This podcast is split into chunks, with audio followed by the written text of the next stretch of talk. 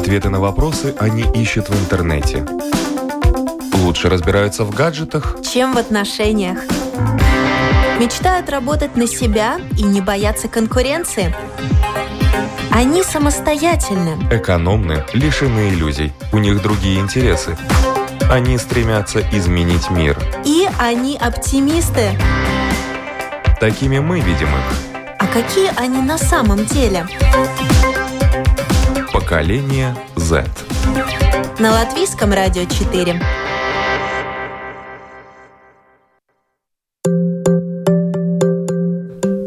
Здравствуйте, уважаемые радиослушатели. У микрофона Марина Талапина, за операторским пультом Катрина Брамберга, музыкальный редактор программы Кристина Золотаренко и в эфире программа «Поколение Z». Кто сказал, что изучение иностранных языков – нудный и долгий процесс? Знать хотя бы один язык в наши дни – это уже не новость. И э, помимо родного языки, э, языка многие вполне э, э, хорошо, сносно говорят на двух-трех языках, а есть люди, которые говорят на пяти, шести, семи и более языков, и это тоже уже сегодня не редкость. И наши ребята сегодня предложили поговорить об иностранных языках как хобби. Это тема нашей программы, поэтому, уважаемые радиослушатели, пишите нам, если вас интересуют иностранные языки. И я рада представить у нас сегодня в гостях Анжелика Мария Зуба. Здравствуйте. Том Руис Вивас. Здравствуйте. И Павел Иванов. Добрый день. Это и гости, и наши соведущие, которые как раз предложили тему. Тема действительно актуальная. Э, сразу давайте начнем. Э, во сколько э, лет вы начали изучать языки? И сколько языков на сегодняшний день знаете? Ой, начала я, наверное, изучать языки с первого класса это были первые два языка, латышский и английский, а затем так закрутилось, э, и дальше на сегодняшний день я, если посчитать, изучала и знаю языков, то это примерно семь. А, понятное дело, что я не перфектно владею всеми языками, но есть языки, э, которые я не считала, и я могу там представиться одно предложение себе сказать. Но это уже не считается, поэтому да. Павел, так, ну, если говорить образно, то, с одной стороны, можно считать, что это аж с детства, потому что со мной в семье пытались говорить и на русском, и на украинском. Э, но потом мы определились, что все-таки в семье лучше говорить только на русском. А так, все началось со школы, конечно, первый класс, латышский. У меня не было как у Анжелики, когда в первом классе еще английский, у меня был в третьем, появился английский, и оно уже пошло, поехало. Потом вспомнил, что мама говорит по-украински, и мы между собой общаемся на украинском. И была возможность еще выбрать второй иностранный, выбрал французский. И так пошло, поехало, я бы сказал, э, оно вот меня так взяло, и почему бы нет? И сейчас, допустим, я учу арабский, уже умею читать, ну там свои фишечки. Это не так легко, как с другими языками, потому что арабский, он такой особенный. Ну и я бы сказал, что, ну, не 7, но 5, может быть. Там основа немецкого еще чуть-чуть, какие-нибудь фразочки. Вот так. Том. Um, я начал учить языки, когда, мне кажется, мне было 4 примерно, я не знаю, в каком в какой классе я был. Это было... Ну, мы часто ездили в, в Америку, и ну, там пришлось постоянно говорить на английском. Еще я э, все остальное время я учился в школе, где надо было, ну, половину уроки, урока, э, уроков были на английском. Так что я всю жизнь учил английский, ну, вроде бы хорошо его э, говорю э, по-английски. И еще сколько языки знаю. Э, я учил семь языки, языков, извините. Но это французский я пять лет учил, но я в школе не очень... У нас не было опыта, поэтому я могу все понять, но если читать, но если э, говорить, это, к сожалению, не, не могу.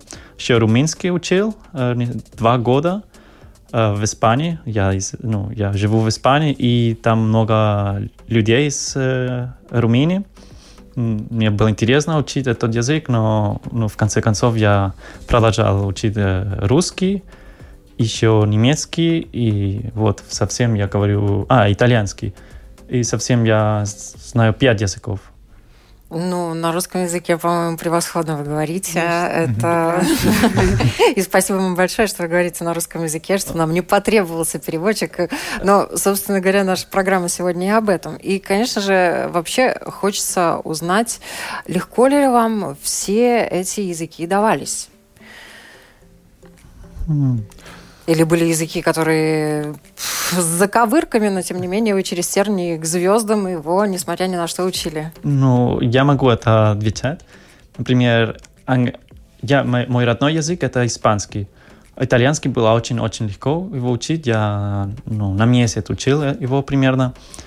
Но ну, английский я всю жизнь его говорил, не, не могу это как, э, с, э, ну, не могу сказать. Но могу сказать, что примерно немецкий это было три раза сложнее, чем английский. Э, э, да, немецкий три раза сложнее, чем английский, а русский три раза сложнее, чем э, немецкий. Русский был очень-очень тяжелый язык. И... Ну, говорят, что русский язык тяжелый, да? А, а, а почему? Чем он, чем он тяжелый? Очень-очень много правил, правила и очень много исключений для каждой правила. Вы такой русский, могучий, богатый. Хорошо, э, Павел, Давай. Так, ну, заковырочками можно сказать буквально это арабский, потому что, сами знаете... Он, он действительно заковырочками. Заковырочки, другая система письма, и не как обычно мы привыкли слева направо, справа налево. И постановление слов, конструкции предложений тоже совсем другие. Там, то есть не в таких обычных, где там, типа, э, я пришел рассказать, а там, типа, рассказавший пришел, то есть там по-другому. А вот я бы сказал, наверное, про латышский, потому что до того, когда я учился в основной школе, я учился в русскоязычной школе, то латыш, латышский подавался сложнее.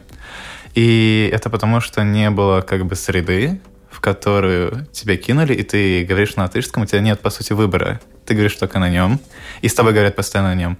А тогда, когда ты учился в основной школе, где, типа, среда тоже была русскоязычная, не так легко давалось. В то время английский шел легче, потому что интернет, э, в интернете куча материала на английском, и, само собой, тогда английский подавался легче.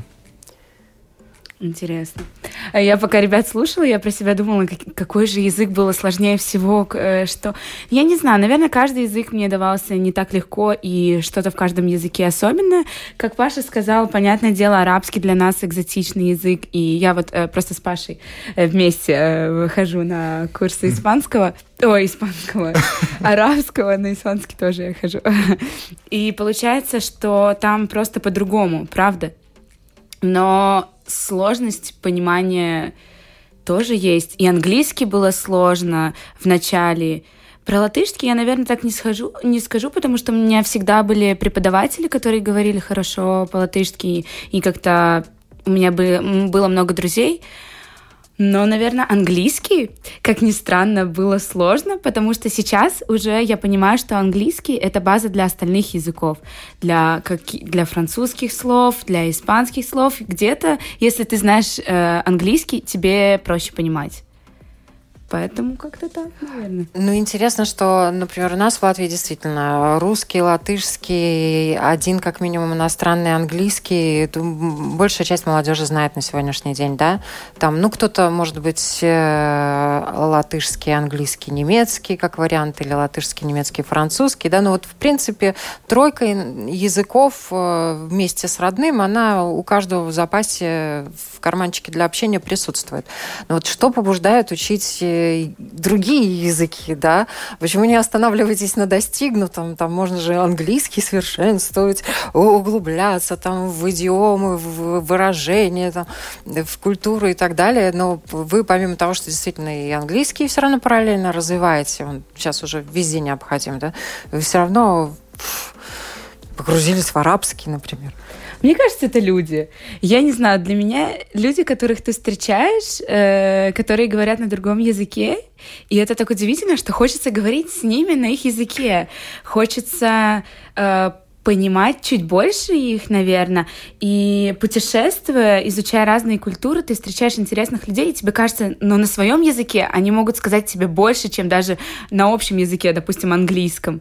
И когда ты начинаешь учить, ты узнаешь и человека, и культуру, и мне кажется, язык — это ключик к общению, потому что сколько бы у меня не было опыта, когда я встречала людей, и даже если ты скажешь одно слово приветствия, допустим, на их языке, это сразу располагает человека к тебе, максимально.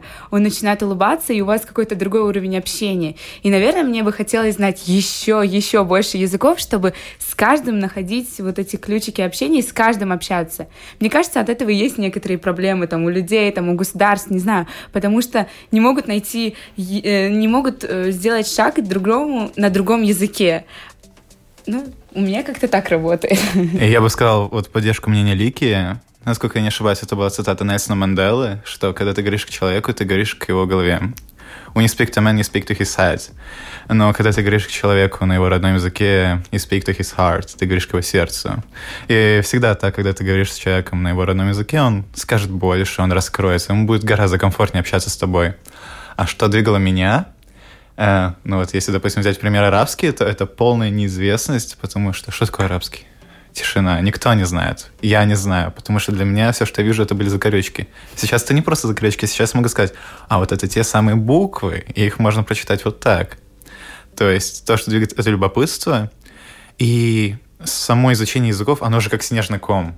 Когда ты уже выучил английский, потому что языки, они в семействах, и вот те, допустим, романские языки, а, английский, германский, но все равно романские языки, то есть у них слова повторяются, и выучив французский, наверное, можно уже потом учить идти, идти учить итальянский и так далее. То есть оно вот как снежный ком.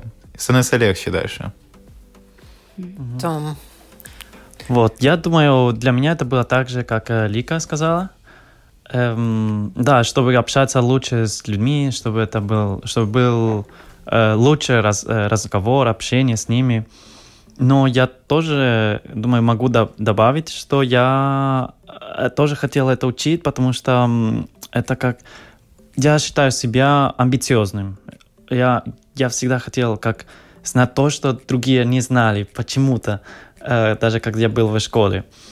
Эм, и я, например, сказал, ну вот, э, все у меня в Испании, например, в, в, в школах все учат английский, если что или французский, или никто не хотел учить сложный язык, как, например, немецкий, потом учил немецкий.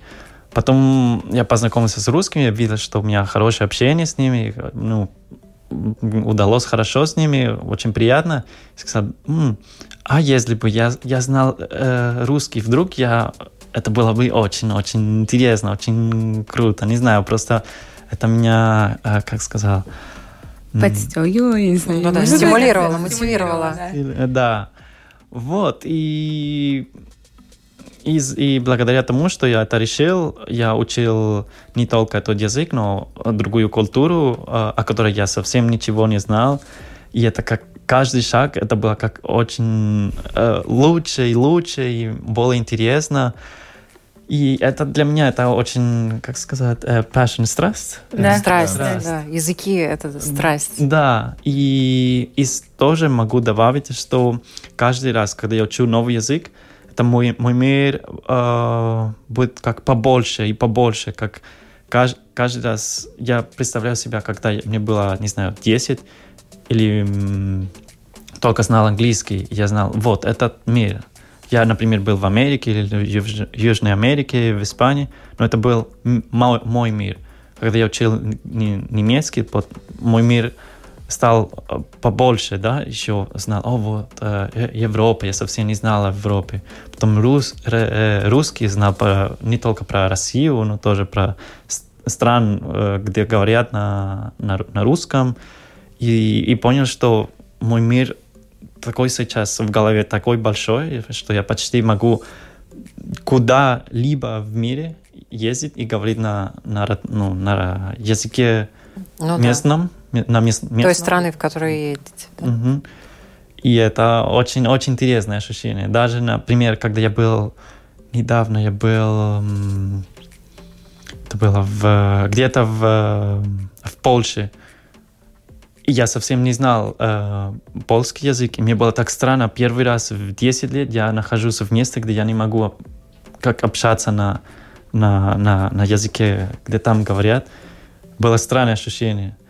И, и думаю, это очень хорошо, что у тебя есть эта проблема, что так интересное ощущение, что ты не можешь общаться. Ну да, что тебе еще раз подстегивает изучить этот язык хотя бы на бытовом уровне. В принципе, говорят, что для такого бытового общения порядка 200-300 слов достаточно, чтобы там поселиться в гостинице, куда-то пройти да, и так далее. Да. Поэтому, в принципе, на таком уровне, я думаю, многие могут изучить язык. Это вообще не сложно в течение нескольких недель, а может быть, меньше. Нам пишут, в возрасте 2-7 лет можно легко выучить несколько языков языков. Но заставлять пенсионеров сдавать на категорию, это, конечно, унижение и издевательство над русским человеком. Это вот на, наше больное. А почему с 91 -го года наше а, а, озабоченное правительство не приглашало русских на бесплатные латышские курсы, а в СССР латышскому языку не хотели обучать? Ну, наверное, это не совсем верно, потому что э, у нас э, на самом деле латышским языком очень хорошо владели преподаватели русскоязычные в советское время. Они преподавали ребятам из латышского латышских групп, и всегда были и русские группы, и латышские, можно было туда пойти, и в другое, и на самом деле на бесплатные латышские курсы приглашают, и мы об этом тоже делали программу, Просто нужно на сайте, наверное, самоуправлений искать эти курсы, потому что курсы бесплатные есть. Это мы. А наболевшем мы продолжим о, о том... Резко в политику. Да. Я не ждал, что так быстро. А вот языки и политика тоже, оказывается, э, существуют вместе. Э, хочется спросить про ваших родителей. Конечно, бесспорно, язык, увлечение, хобби, которое будет радовать не только родителей, будет восхищать вообще любого человека, который вот э, услышит, что вы по 5 по 7 языков знаете, и уже, о, а можно, можно вас привлечь как переводчика и так далее, наверное, да? Но вот родители, как они э, вас мотивировали, как они вообще воспринимают ваши хобби. Может быть, они с вами начали тоже изучать какие-то языки? Да, mm-hmm. я прям могу поделиться успешной моей историей. Моя мама, я начала изучать испанский, и моя мама начала ходить на испанский со мной. Она, вот мы ходим к Тому на испанский, и ее так замотивировало, что это новый язык, новая возможность. Ей очень нравится Испания, она любит путешествовать. И она такая, я пойду с тобой учить. Но на самом деле проблема в другом. Наверное, эм, э, пример моих родителей мне показал, что это надо делать. Не потому, что они не, учи, не учили языки, возможно, у них не было такой возможности в какое-то свое время, и поэтому своим примером они показали, что ну, это необходимо. Выходя за рамки своей страны, выходя за рамки за своего общества, тебе надо знать больше языков, тебе надо говорить, э, развиваться. И, наверное, это мне показало, что чем больше языков знаешь, тем тем больше ты знаешь. И поэтому э, они меня, наверное, мотиви мотивировали учить очень английский. Они такие тебе пригодятся. То есть они понимали, что это важно, не зная языков. И то есть для них это было так, вот ты выучишь, ты выучишь, мы будем с тобой путешествовать, и ты будешь нам переводить. То есть это так работает. Ну, так насчет мотивации родителей. Я бы сказал, это в основном школе, э, мотивация, чтобы в школе были хорошие оценки, потому что все изучение языков началось в основном из школы. И тогда у меня были проблемы и с английским еще в третьем классе давным-давно, и мы тогда пошли к репетитору, и это было больше уже как мотивация родителей, потому что, ну, что мы в третьем классе поймем, что нам эти оценки как-то важны, или что нам знания важны, нам бы как бы как можно раньше из школы выйти. А так, это была мотивация родителей, то есть э, начать, э, помочь мне в изучении базовых языков, вот этой основной тройки, русский, латышский, английский.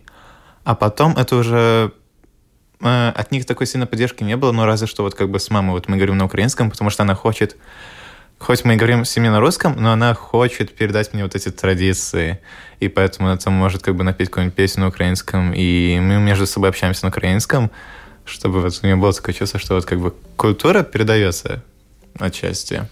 Ну, язык действительно передает культуру. А вот как там твои родители реагировали на твои желания изучать тем более такие трудные языки, немецкий, русский?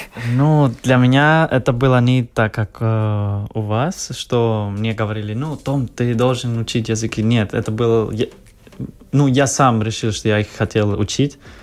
И, ну, как например, я сказал маме, ну, а, я хочу учить этот новый язык. Ну, хорошо, ну, иди. Или, ой, а как ты думаешь, если я буду учить русский, например? Эм, ну, хорошо, только но это не будет много, если будешь еще учить и немецкий, и русский, и еще румынский.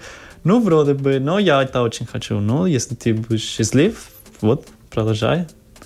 Угу. Такой вот испанский подход к мотивации, да, то есть просто поддержка, а ты не перетрудишься. Это, слушайте, классные родители, да, на самом деле. Э, вообще, конечно, вот я считаю, что мы подошли э, к тому, что э, вот вопрос изучения языка, к методикам изучения языка, да, э, как вот вы считаете, говорят, что для того, чтобы хорошо изучить э, язык, здорово бы э, погрузиться в среду, и общаться с носителями.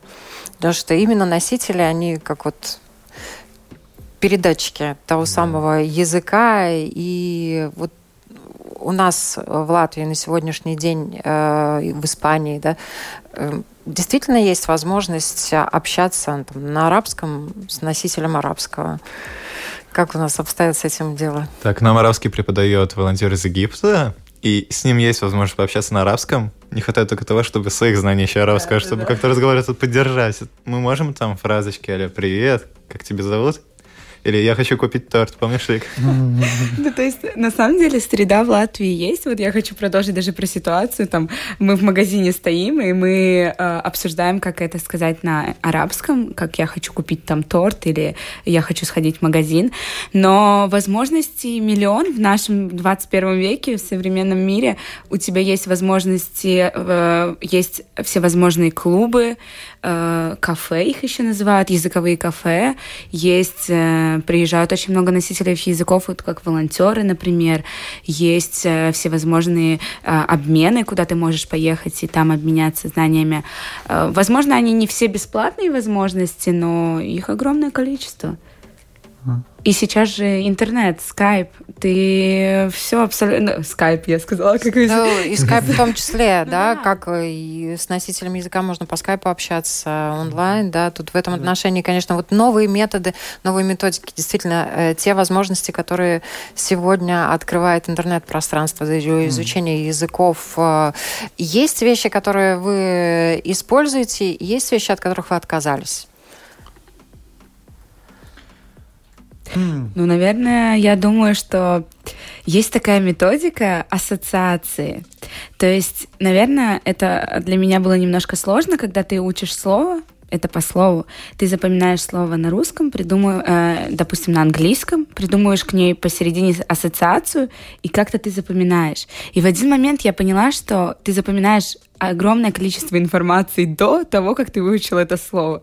Конечно, это очень на всю жизнь запоминается, это сто процентов работает, потому что эта методика, мне папа рассказывал еще как-то давно учили. Допустим, там э, покидать Лондон, я помню, я учила abandon, покида... э, abandon покидать на английском, я учила покидать Лондон, в общем, э, до этого мне рассказывали там, как э, Папа рассказывал, он учил э, э, комац, запятая по-латышски, через КАМАЗ привел, вывел там что-то. Это, в общем, очень сложно, это много информации, это не работает.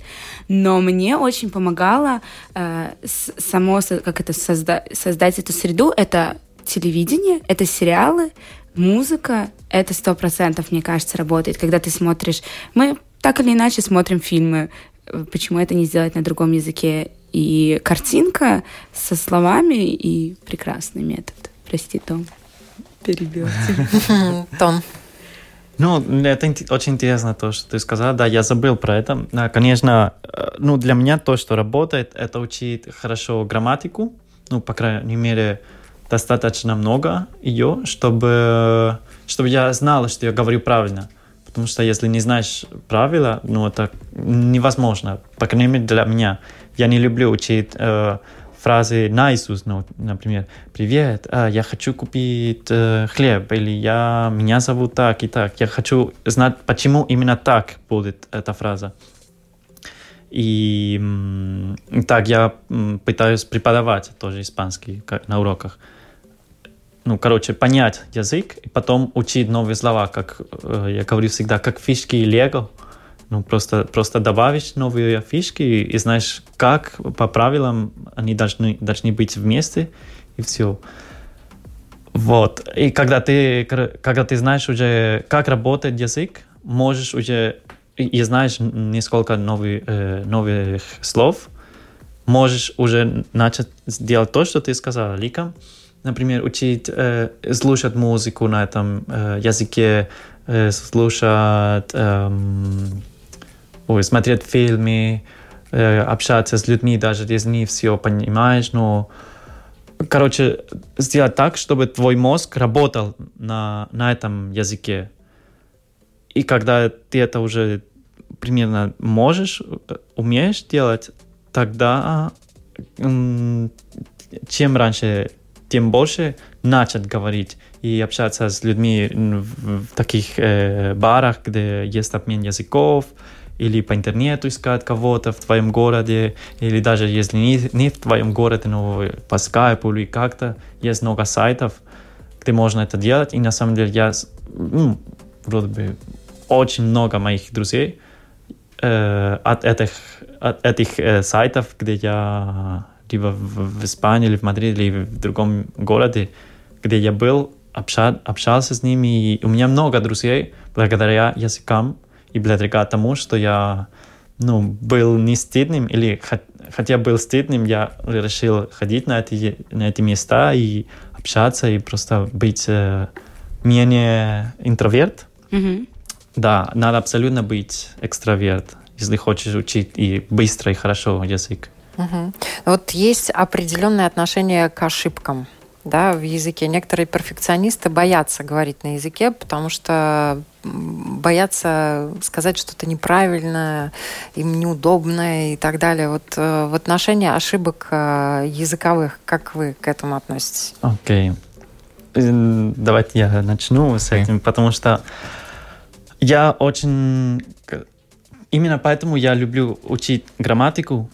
И я считаю, что тебе не надо быть э, стыдным или бояться, если ты знаешь хорошо, о чем ты говоришь, да? Если у тебя есть дисциплина, хорошо работал над этим, э, хорошо э, учил, много учил, почему бояться?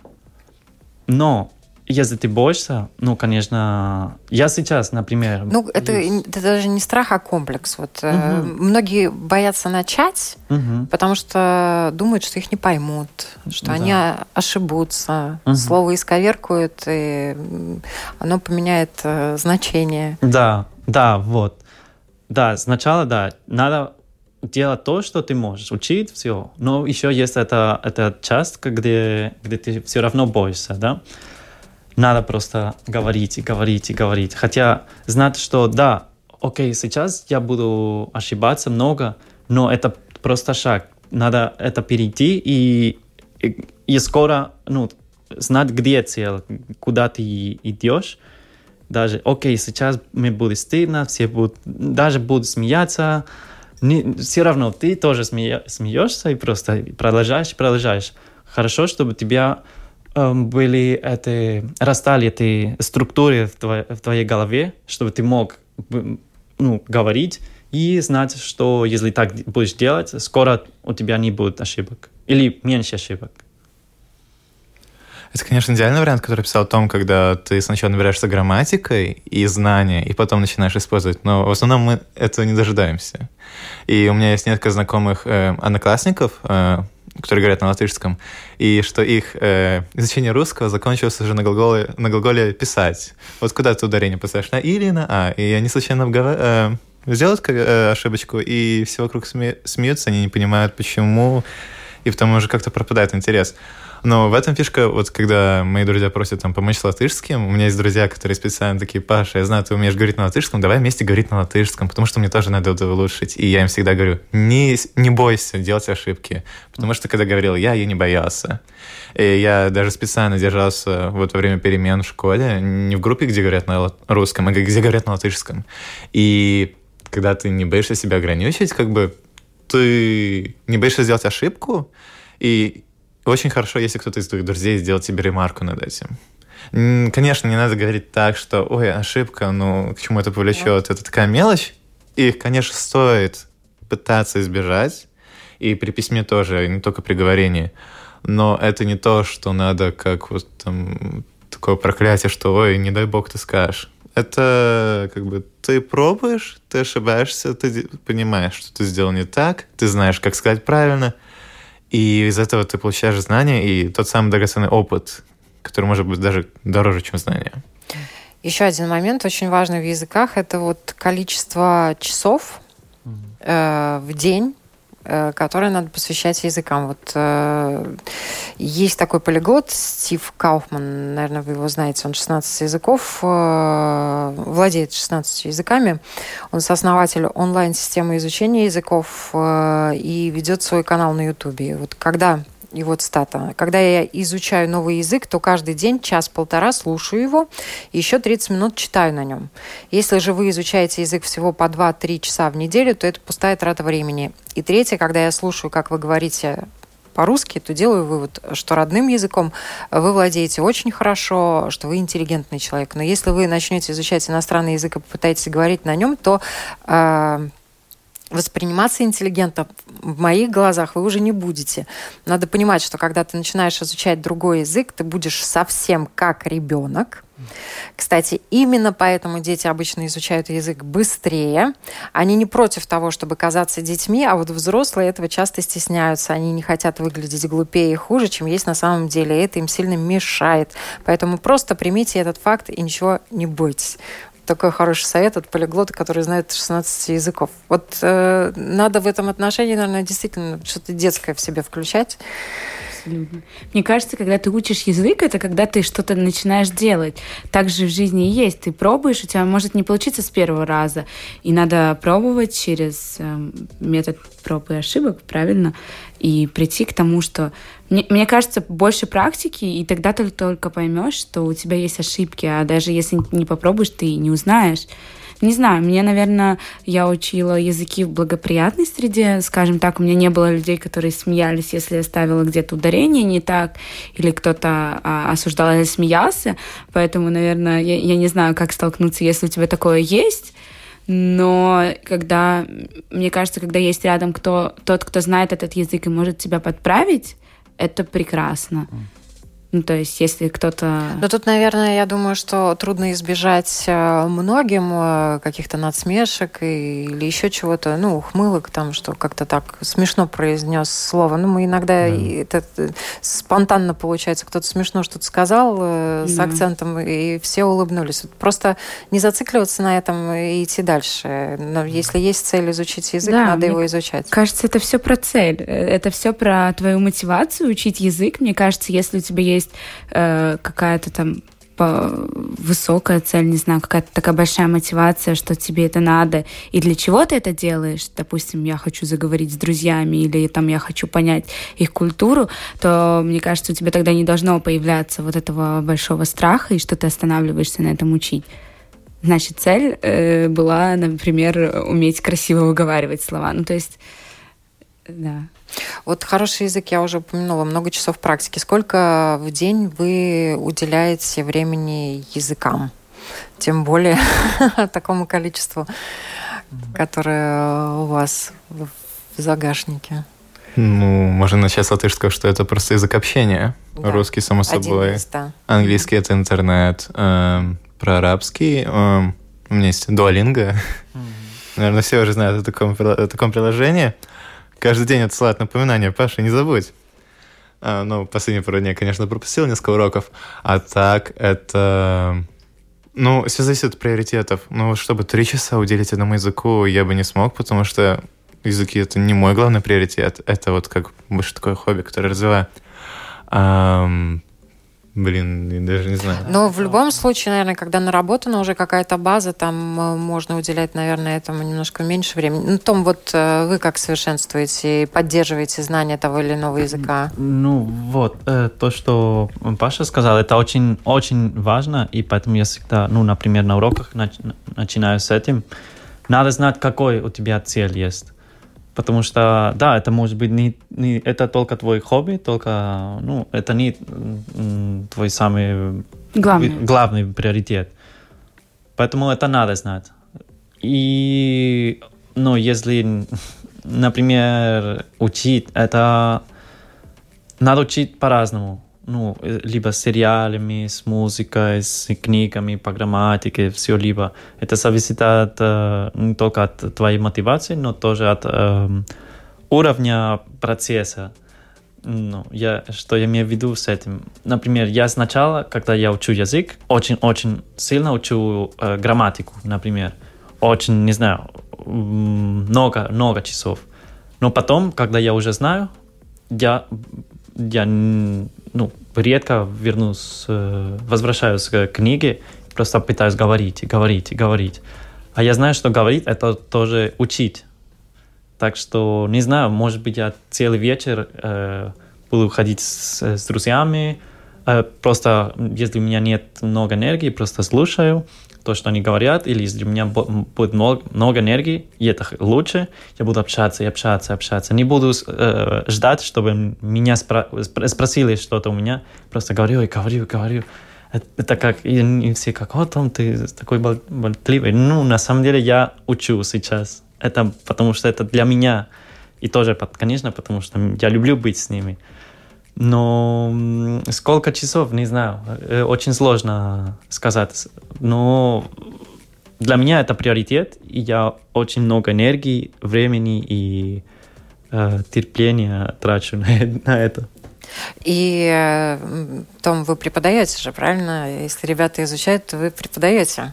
И у вас есть своя методика, да? И, в принципе, вот то, что вы сначала погружаетесь э, в теорию, в правила, э, это тоже ну, своего рода такой метод, подход к изучению, mm-hmm. да? Mm-hmm. Потому что в основном детей рекомендуют погружать в это, именно начинать с общения, со слов, и потом уже переходить к правилам. Mm-hmm. Можно пару слов, пару секретов? Да, на самом деле я бы попросил, если, если не, не, неплохо, я бы хотел знать сначала, что Лика, э, Конечно. Ну, и мнение ли, Лики, угу. и потом сказать, что добавить, что, что я планировал с, с моим курсом и смотреть, угу. получилось а, ли. Ты думаешь нет. сказать э, как это от, отзыв, что я да. думаю насчет курса? Да, но... Обратную связь. Ага, ну... Но не, не о, о курсе, а о том, как я преподаю. Mm-hmm. Потому что мне, я пытался не, э, не преподавать, как меня да. преподавали в школе. Угу. Хорошо. То есть своя, именно о личной методике преподавания, угу. да? Да, на самом деле это интересно. Я по такой методике первый раз учусь, и, наверное, это правильно, э, когда есть э, определенные э, блоки. Я, у меня сразу появляется схема, о которой ты нам говорил, э, что есть э, глаголы, есть фразы в центре, и ты учишь язык. Вот я бы назвала это лего ты учишь отдельные части, фишечки, фишечки, как ты говоришь, фишечки. Есть э, фишечки, и потом ты э, их складываешь. То есть, как мы учим? Мы сначала учили, допустим, э, вопрос, потом мы учили глагол, допустим, может быть, это не в таком порядке, я это называю, потом, допустим, э, местоимение, и потом э, какое-нибудь существительное. И когда ты начинаешь подставлять, ты понимаешь, что из этого ты можешь составить предложение, а поменяв, поставив вопрос, ты из этого можешь переделать э, в вопрос. Я, это очень сложно объяснить, но mm-hmm. это очень хорошо работает, наверное, потому что э, мы стали понимать, мы стали менять местами, и что я могу сама, то есть я знаю воп- э, вопрос, зная там какое-то слово, могу задать э, вопрос про какую-то вещь. Угу. Вот ты можешь меня подкорректировать, как это правильно а, сформулировать, наверное. Угу. Да, да, да, абсолютно. Но еще вопрос. Ты тебе кажется, что ты учишь лучше или быстрее или приятнее случайно? Да, да, ну абсолютно. Это, наверное, быстрее. Я недавно прошла тест, я уже знаю на А2 уровень. Да, Ну, то есть это, наверное, быстрее, потому что я теперь понимаю, как устроен язык. Наверное, как только ты начинаешь э, разбираться чуть-чуть вот в каждой отрасли, ты начинаешь э, строить, и ты понимаешь, как это работает просто. Вот только месяц учили, да? Да. Что я как э, я, ну, как я придумал свой, свою методику, Ну, я заметил, э, ну, я уже не знаю, ну, много лет учил языки, я заметил, что есть конструкции, которые есть в любом языке. Даже я заметил, что это когда мне говорили на... Не, знаю, я, на, например, китайский не знаю. У меня подруга есть, которая говорит на, хорошо на, на китайском, и она мне рассказывает, а, есть этой структуры, так, это ты так говоришь, а, ага, окей, понятно, конечно. Я заметил, что в, в каждом языке есть инструкции общие, и, и это, конечно, они должны быть. Я просто так вижу, я их вижу очень-очень э, ясно. Вот. И я придумал, создал свою методику, только думая о том, что вот надо начинать с этими э, главными структурами и понять, как можно все как соединить. И, и менять местами. И менять, не знаю, да, чтобы было как... Чтобы все имело смысл. На самом деле это сложно объяснить, ну да. Вроде бы... Э, Приходите на курсы испанского. Чтобы понять, как это работает, и выучить еще один язык очень быстро. Да, но на самом деле я, я же им сказал, это не урок испанского, это или я пытаюсь, чтобы они не только учили испанский, а учили методику, чтобы они учили любой другой язык, когда меня не будет. Или даже испанский, когда меня не будет. Если однажды меня не будет. Но после этого года. Ну, на самом деле, действительно, это большое дело, когда человек изучает один язык иностранный, ему уже легче говорят третий выучить, и четвертый, и пятый, шестой там уже гораздо легче дается. И у нас есть э, звонки, если нам сейчас еще раз позвонят, мы обязательно попробуем принять. Э, у нас остается несколько минут до окончания программы. Вот, а были какие-то курьезные случаи, связанные с языками у вас? Или вот какие-то ситуации, в которых именно язык вас выручил. Мы сейчас узнаем после того, как нам дозвонится человек. Здравствуйте, говорите, пожалуйста. Добрый день. Добрый. Очень приятно слушать а, разговор пассионариев, то есть заинтересованных в результате людей, которым нравится то, о чем они говорят. Давайте я вашу э, бочку меда внесу свою ложечку дегтя. Может, не надо, но только коротко, если можно. А, вот с моей стороны, я тоже изучал иностранные языки, я еще в советское время это делал, учился в школе. Вот, и латышский язык у меня не шел. Ну, думаю, актуальная тема. Потом много обвиняли, вот вы не хотели, вот у вас среды общения не было. Кстати, был об этом разговор. Но я изучал также и другой язык, немецкий. Э, и немецкий язык я изучал на три года меньше, чем латышский. Латышский с второго класса, немецкий с пятого. И к окончанию школы, к десятому классу, я немецкий язык знал лучше, Хотя среды общения на немецком языке, как понимаете, не было так же, как и в латышском. То есть как раз даже более надежно ее не было, чем даже вот в общении на латышском языке. К чему я веду? Во-первых, это очень сильно зависит от учителя. Стартовый уровень дать обязан учитель. Э, то, что вы говорите, касается далеко не всех людей. Люди очень разные. Об этом, кстати, говорилось в ваших программах. Психологи говорят, люди очень сильно отличаются друг от друга. Больше, чем это дают нам по статистике. Но даже статистика говорит о том, что люди отличаются по способности к языкам. И э, уровень способности к языкам вот тех людей, которые находятся в студии, э, в симпатии отношусь к ним, что они используют свои возможности, все-таки он выше среднего. А вот подавляющему большинству людей языки даются трудно. И, во-первых, это надо учитывать. И, во-вторых, это тоже надо учитывать. И, в-третьих, людей, может быть, надо все-таки делить на тех, кому очень нужен будет какой-то язык, но чтобы не давать лишнего. То есть хорошо, конечно, но вот но язык это не как новая прочитанная книжка. Это очень тонкий инструмент, который ну, подобен управлению космическим кораблем. Вот если вы, допустим, пилот корабля космического, будете изучать управление, скажем, парусной яхтой, или просто э, возьмете штурвал в руки и авось как там повезет волна. А если шторм, а вы не обучены. Вот так же с языками. Да, вы можете изучить э, какой-то начальный уровень, а вот вам нужно будет, ну вот, что говорить, мой родственник умер от того, что не знал медицинских терминов на английском языке. Я потом читал инструкции к лекарствам, я тоже их не знал. Я потом давал латышам почитать. Они тоже части этих терминов не знали. Но это уже, как говорится, э, для истории. И вот что делать?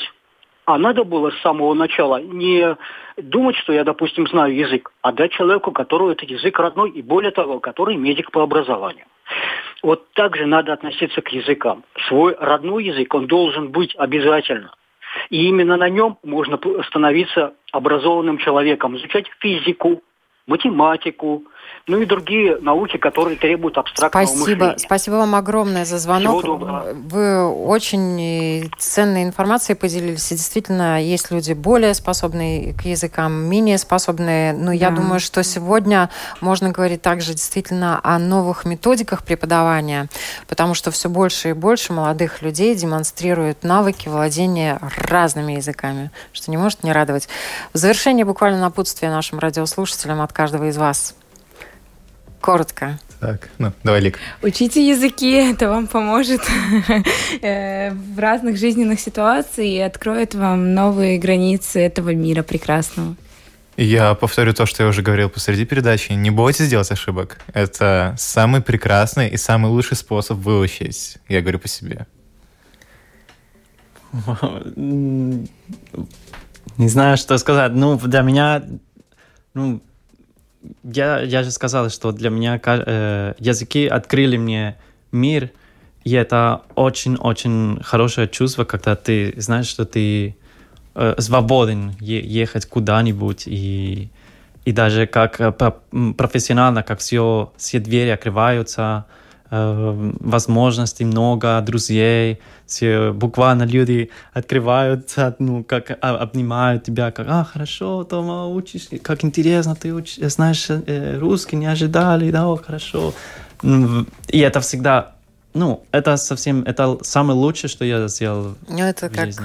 Павел сказал, да, если ты говоришь на языке человека, ты открываешь его сердце. Да, да, это бесконечнее преимущество. Я просто хочу поделиться, когда я в первый раз встретил Тома, mm-hmm. потому что к нам в организацию приехало сразу несколько волонтеров. Один из Франции, другой из Украины, и Том из Испании. И я говорю, Том, hello. И он обращается ко мне на русском, у меня такой шок.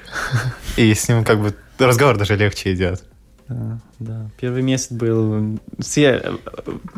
У всех это было так... «А!» ну, как... А я могла снимать фильмы людей, когда их видишь реакцию, когда человек начинает говорить на их языке. Это сначала секунда стопор, такой, что? Да. Как? Ты понимаешь?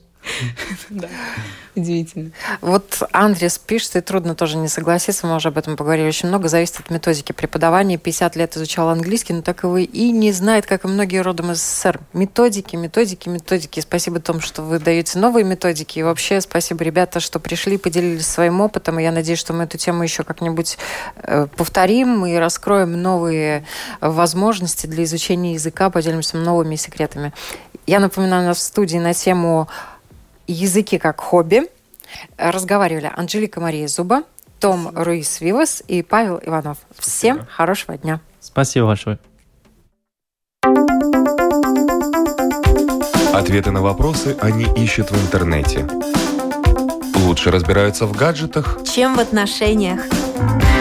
Мечтают работать на себя и не бояться конкуренции. Они самостоятельны. Экономны, лишены иллюзий. У них другие интересы. Они стремятся изменить мир. И они оптимисты. Такими мы видим их. А какие они на самом деле? Поколение Z. На латвийском радио 4.